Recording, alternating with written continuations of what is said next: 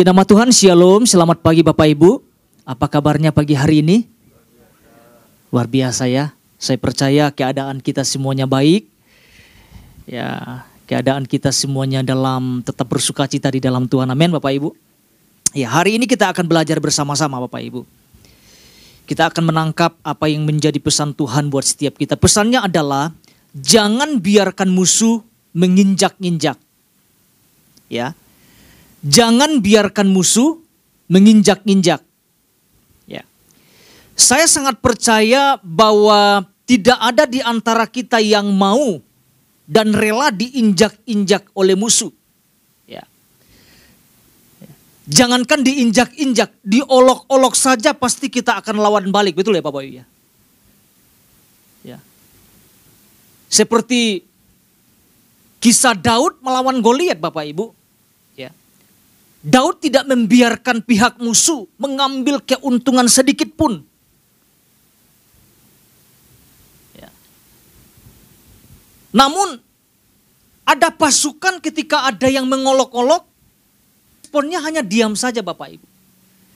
Ya. Responnya bahkan tidak melakukan apa-apa.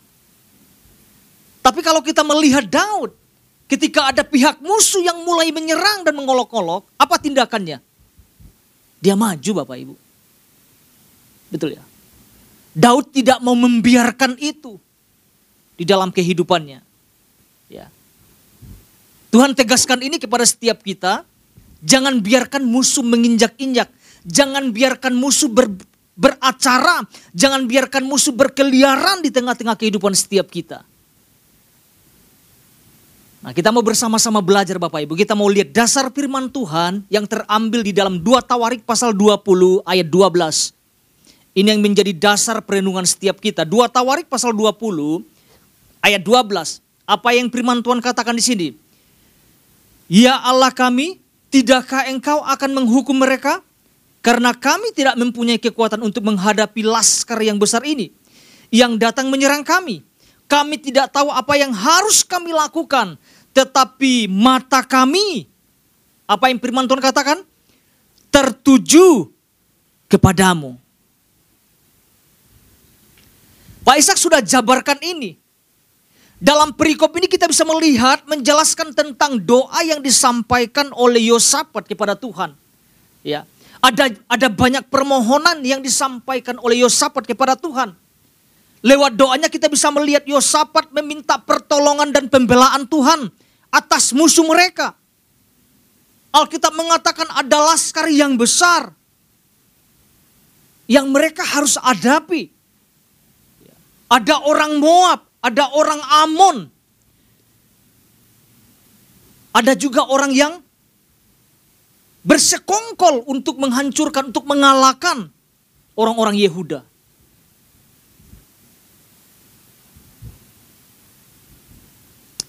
Kita bisa lihat dalam ayat ini Bapak Ibu. Apa yang Yosafat naikkan? Ya, dalam ayat ini kita bisa melihat bahwa Yosafat mengakui bahwa dia dan pasukannya tidak punya kekuatan apa pun untuk menghadapi musuh-musuh mereka.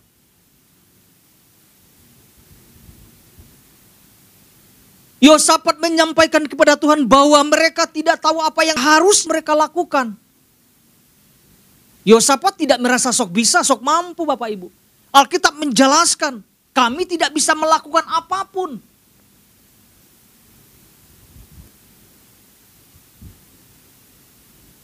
Ya. Ada pelajaran yang sangat penting yang kita ambil dari doa yang dinaikkan oleh Yosafat Bapak Ibu. Bagaimana Yosafat meminta pembelaan Tuhan di dalam kehidupan mereka. Nah, selanjutnya apa yang Tuhan ingatkan di dalam inti pesan Tuhan buat kita setiap kita Bapak Ibu? Ya. Ada hal-hal, Pak Ishak sudah sampaikan hari Minggu, ada hal-hal yang sangat Tuhan tekankan di dalam kehidupan setiap kita. Apa yang Tuhan sampaikan? Ini yang Tuhan sampaikan. Bahwa ia memperingatkan setiap kita agar jangan menjadi orang percaya yang tidak melakukan apa-apa pada saat si musuh mencoba untuk masuk ke dalam sektor-sektor hidup kita. Begitu jelas dan tegas Tuhan sampaikan ini kepada setiap kita. Atau disampaikan seperti ini Bapak Ibu. Atau bahkan jangan sampai kita sama sekali tidak menyadari akan kehadiran si musuh yang sedang melakukan sesuatu yang merugikan di dalam sektor-sektor kehidupan setiap kita. Karena ada banyak sektor dalam kehidupan setiap kita. Ada sektor dalam rumah tangga, pekerjaan, usaha, kesehatan, sektor hubungan, keluarga atau pasangan suami istri. Ada banyak sektornya Bapak Ibu. Kita harus sadar bahwa si musuh tidak pernah merasa sayang dengan kita. Musuh tidak akan pernah sayang dengan kita anak-anak Tuhan. Oleh karenanya Tuhan menekankan jangan sampai musuh masuk menginjak-injak hidup kita. Artinya jangan sampai kita diam. Jangan sampai kita tidak melakukan sesuatu. Ya. Dua hal yang disampaikan Pak Ishak secara cepat saya bacakan Bapak Ibu. Yang pertama adalah miliki ketajaman sehingga dapat mengantisipasi siapa dan apa yang akan dilakukan si musuh. Itu yang pertama, bagian pertama yang Pak Ishak sampaikan. Yang kedua, miliki mentalitas bahwa kita bisa mengatasinya bersama dengan Tuhan. Nah, Bapak Ibu, pagi hari ini saya tidak mau panjang-panjang lebar, kita akan belajar dua hal Ya. Apa yang kita renungkan, apa yang kita sama-sama pelajari berkaitan pesan Tuhan dalam minggu ini. Yang pertama yang saya mau sampaikan adalah miliki kesigapan atau ketangkasan dalam menghadapi setiap pergerakan si musuh yang kita hadapi. Saya ulangi Bapak Ibu, miliki kesigapan dan ketangkasan dalam menghadapi setiap pergerakan si musuh yang kita hadapi. Kita sebagai anak-anak Tuhan harus sigap. Katakan sigap Bapak Ibu. Sigap dalam hal apa? Sigap dalam hal menghadapi kekuatan musuh. Dalam keadaan apa pun kita harus sigap. Bahkan Alkitab katakan selalu waspada. Hari-hari ini ini adalah jahat. Sigap artinya adalah gini Bapak Ibu, cepat bergerak cepat menyelesaikan tanpa menunda-nunda itu sigap.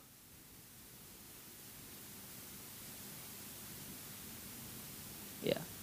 Bahkan Tuhan sudah ingatkan, si pihak musuh tidak akan pernah merasa sayang dengan kita. Ya. Pihak musuh tidak akan segan-segan untuk membunuh bahkan membinasakan hidup kita.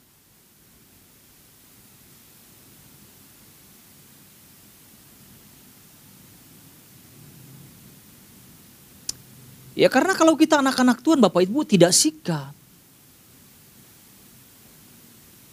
Maka pihak musuh akan mudah membuat acara di tengah-tengah kehidupan setiap kita. Dia akan mengobrak-abrik hidup kita. Artinya kalau kita tidak melakukan apa pun kita akan habis. Kita akan selesai Bapak Ibu. Nah kita mau belajar kepada pribadi Yosafat ya Bapak Ibu ya. Mari kita lihat firman Tuhan.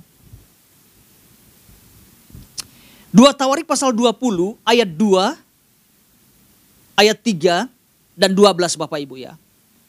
Dua Tawarik pasal 20 ayat 2, ayat 3 dan 12. Saya akan bacakan untuk kita semuanya Bapak Ibu. Demikian firman Tuhan. Datanglah orang memberitahukan Yosafat Suatu laskar yang besar datang dari sebelah, seberang laut asin, dari Edom menyerang, menyerang tuanku. Sekarang mereka di Hazezon Tamar, yakni Engedi, ayat 3. Yosafat menjadi apa Bapak Ibu? Menjadi, tapi nggak panik loh. Takut. Normal saja, takut normal. Ya. Lalu mengambil keputusan untuk mencari apa? Mencari Tuhan ini yang dahsyat dan luar biasa. Ia menyerukan kepada seluruh Yehuda supaya apa? Berpuasa. Bukan menangis ya. Berpuasa Bapak Ibu. Oke ayat 12 kita lompat. Ayat dasar kita. Ya Allah kami, tidakkah engkau akan menghukum mereka? Karena kami tidak mempunyai kekuatan untuk menghadapi laskar yang besar ini. Yang datang menyerang kami.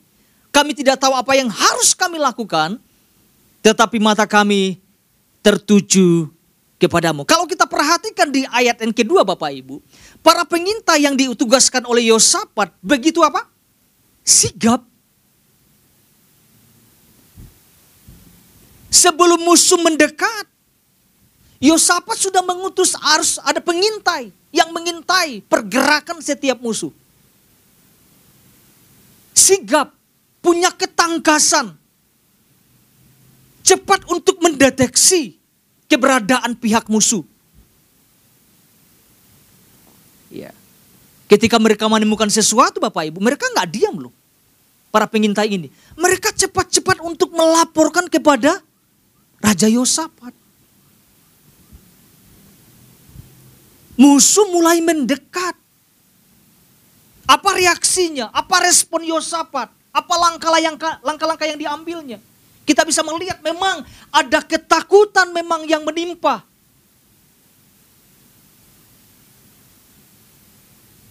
Tapi dengan ketakutan itu membuat dia sigap untuk mengambil langkah yang sangat luar biasa menurut saya. Ada tiga langkah yang kita dapat lihat yang yang yang Yosafat ambil. Yang langkah pertama gini Bapak Ibu. Langkah pertama adalah Yosafat mencari Tuhan. Apa, hubungannya? Kalau zaman sekarang mungkin nggak nyambung. Orang mau nyerang kok nyari Tuhan. Zaman-zaman sekarang orang nggak masuk akal. Ada musuh yang menyerang, kok nyarinya Tuhan ya? Bukannya cari teman, bukannya ngumpulkan pasukan yang banyak. Apa yang Yosafat lakukan? Mencari Tuhan. Buat saya ini adalah keputusan yang sangat luar biasa yang diambil oleh Yosafat. Yosafat sangat paham Bapak Ibu. Untuk menghadapi laskar yang sangat besar. Tidak cukup dengan strategi perang. Nggak cukup. Nggak cukup dengan pengalaman, nggak cukup.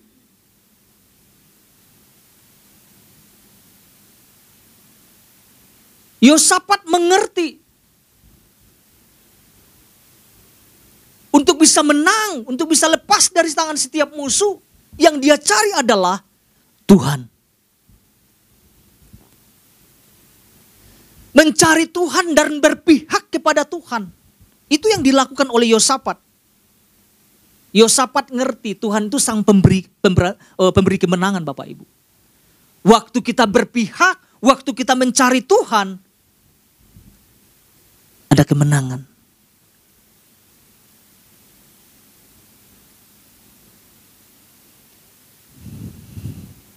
Bukankah firman Tuhan berkata segala perkara dapat kutanggung di dalam dia yang memberikan kekuatan kepadaku. Yosafat mengerti dan paham tentang ini. Gak akan mampu, gak akan bisa. Dan firman Tuhan berkata di dalam Roma pasal 8 ayat 31, jika Allah di pihak kita, siapakah yang akan melawan kita? Tidak ada Bapak Ibu.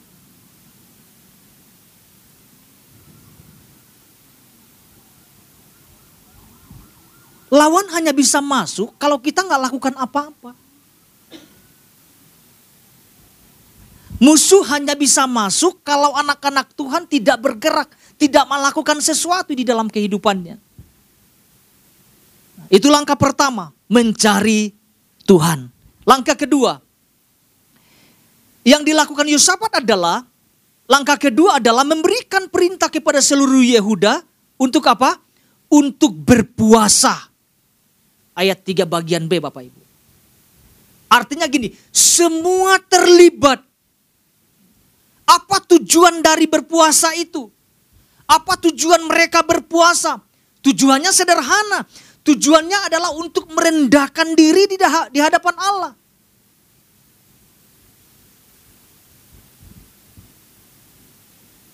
Mengakui dosa, mengakui setiap pelanggaran yang mereka lakukan. Seperti yang tertulis di dalam 1 Samuel pasal 7 ayat 6. Ada pengakuan dosa, harus berpuasa, merendahkan hati, merendahkan diri mereka di hadapan Allah.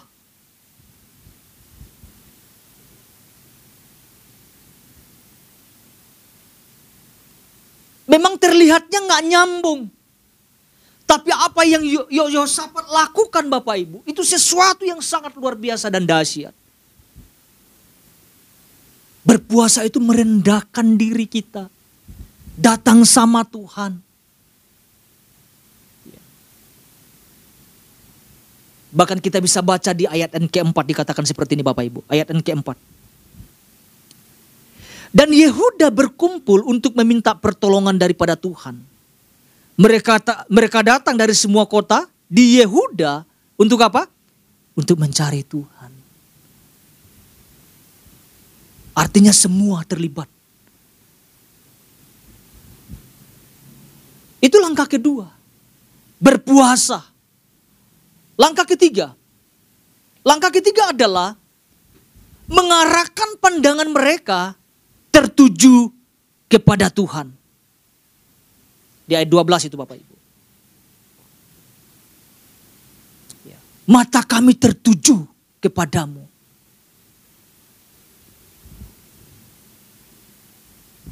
Ya. Tertuju artinya memfokuskan pandangan mereka kepada Tuhan.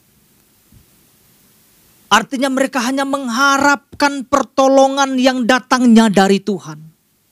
Bukan datangnya dari yang lain.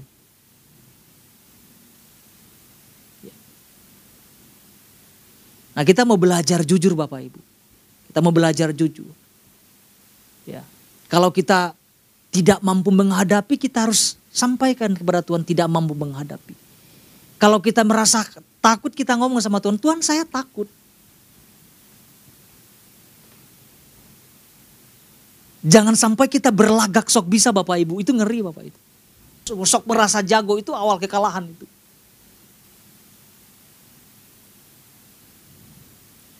Lewat ketakutan itulah Yosafat melakukan tiga langkah itu. Pandangannya terarah, tertuju, fokus hanya kepada Tuhan. Ini yang sama-sama kita kita ikuti dalam kehidupan Yosafat Bapak Ibu. Ya. Jadi yang Yosafat lakukan adalah mencari Tuhan, berpuasa, mengarahkan pandangannya tertuju kepada Tuhan. Poin kedua Bapak Ibu. Yang kedua adalah yang sama-sama kita pelajari. Lakukan pembersihan jika ada sesuatu yang mengikat dalam kehidupan setiap kita. Ya. Lakukan pembersihan jika ada sesuatu yang mengikat dalam kehidupan setiap kita. Ya. Jangan sampai kuasa kegelapan termasuk sifat-sifatnya mendiami hidup kita. Pak Ishak sampaikan hari Minggu begitu jelas sekali. Ya. Bicara tentang kuasa kegelapan kita sudah tahu. Ya. Termasuk sifat-sifat yang ada di dalamnya itu tidak tidak boleh ada di dalam kehidupan setiap kita. Namun gini Bapak Ibu, pembersihan itu tergantung respon kita loh. Apakah kita mau bertindak atau tidak? Ya.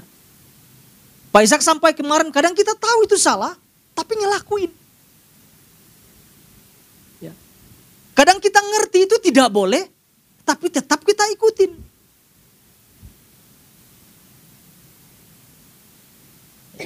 Ya, ya contohnya orang merokok Bapak Ibu. Minum-minuman keras, Judi, waduh judi online lagi Bapak Ibu. Itu ngeri itu. Terikat.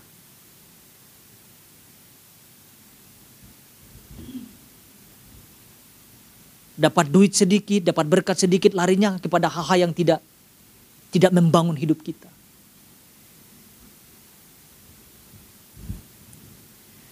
Jadi apa saja yang mengikat, apa saja yang tidak sesuai dengan nilai-nilai kebenaran Alkitab, kita harus bersihkan di dalam kehidupan setiap kita. Amin Bapak Ibu ya. Ini kita sama-sama belajar Bapak Ibu. Kita mulai-mulai cek lagi kehidupan setiap kita. Jangan sampai ada sesuatu gini yang mengikat kita sehingga gini pihak musuh ngambil keuntungan yang banyak di dalam kehidupan setiap kita.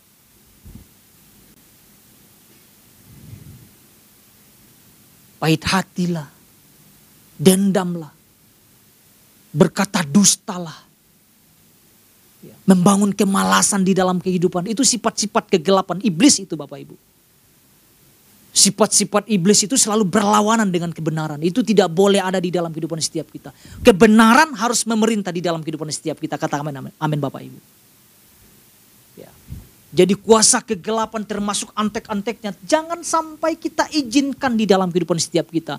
Maka yang perlu kita lakukan adalah lagi di pembersihan.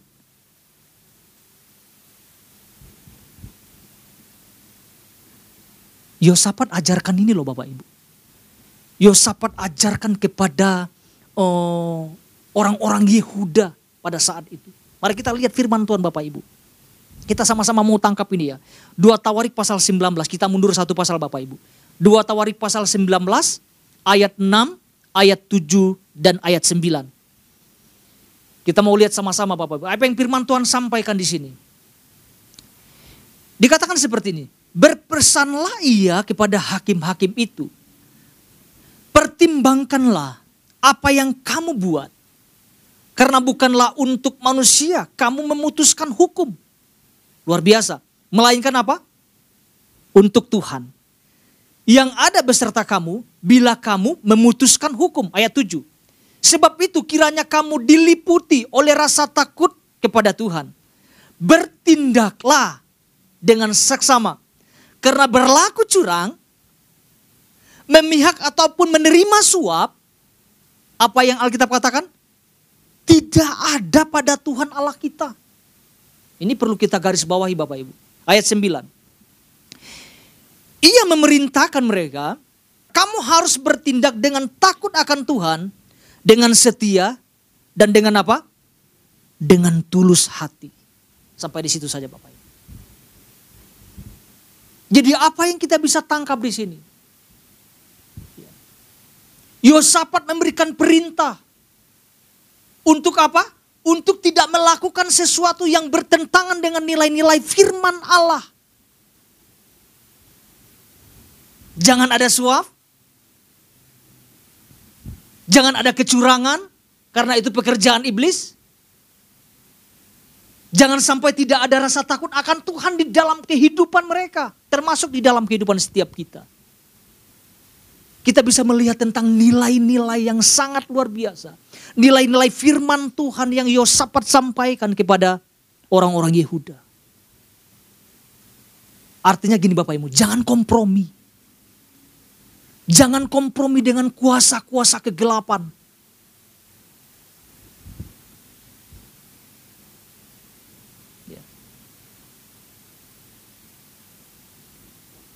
Suap, wah kita sering dengar Bapak Ibu korupsi, ya. berlaku curang. Berlaku curang ini di, di, di berbagai aspek kehidupan setiap kita. Jangan sampai ada kecurangan-kecurangan yang gak jelas di dalam kehidupan setiap kita Bapak Ibu.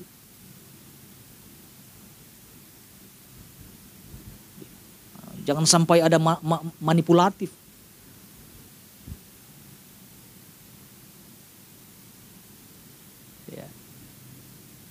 Curang-curang dikit mah nggak apa-apa. Nggak firman Tuhan kita sudah dengar Bapak Ibu.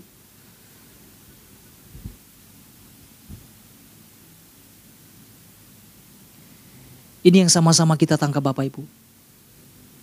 Artinya jangan sampai kita memberi tempat apa pun alasannya di dalam kehidupan setiap kita. Kita bersyukur Bapak Ibu Tuhan ingatkan ini. Jangan biarkan musuh itu menginjak-injak hidup kita. Jangan sampai.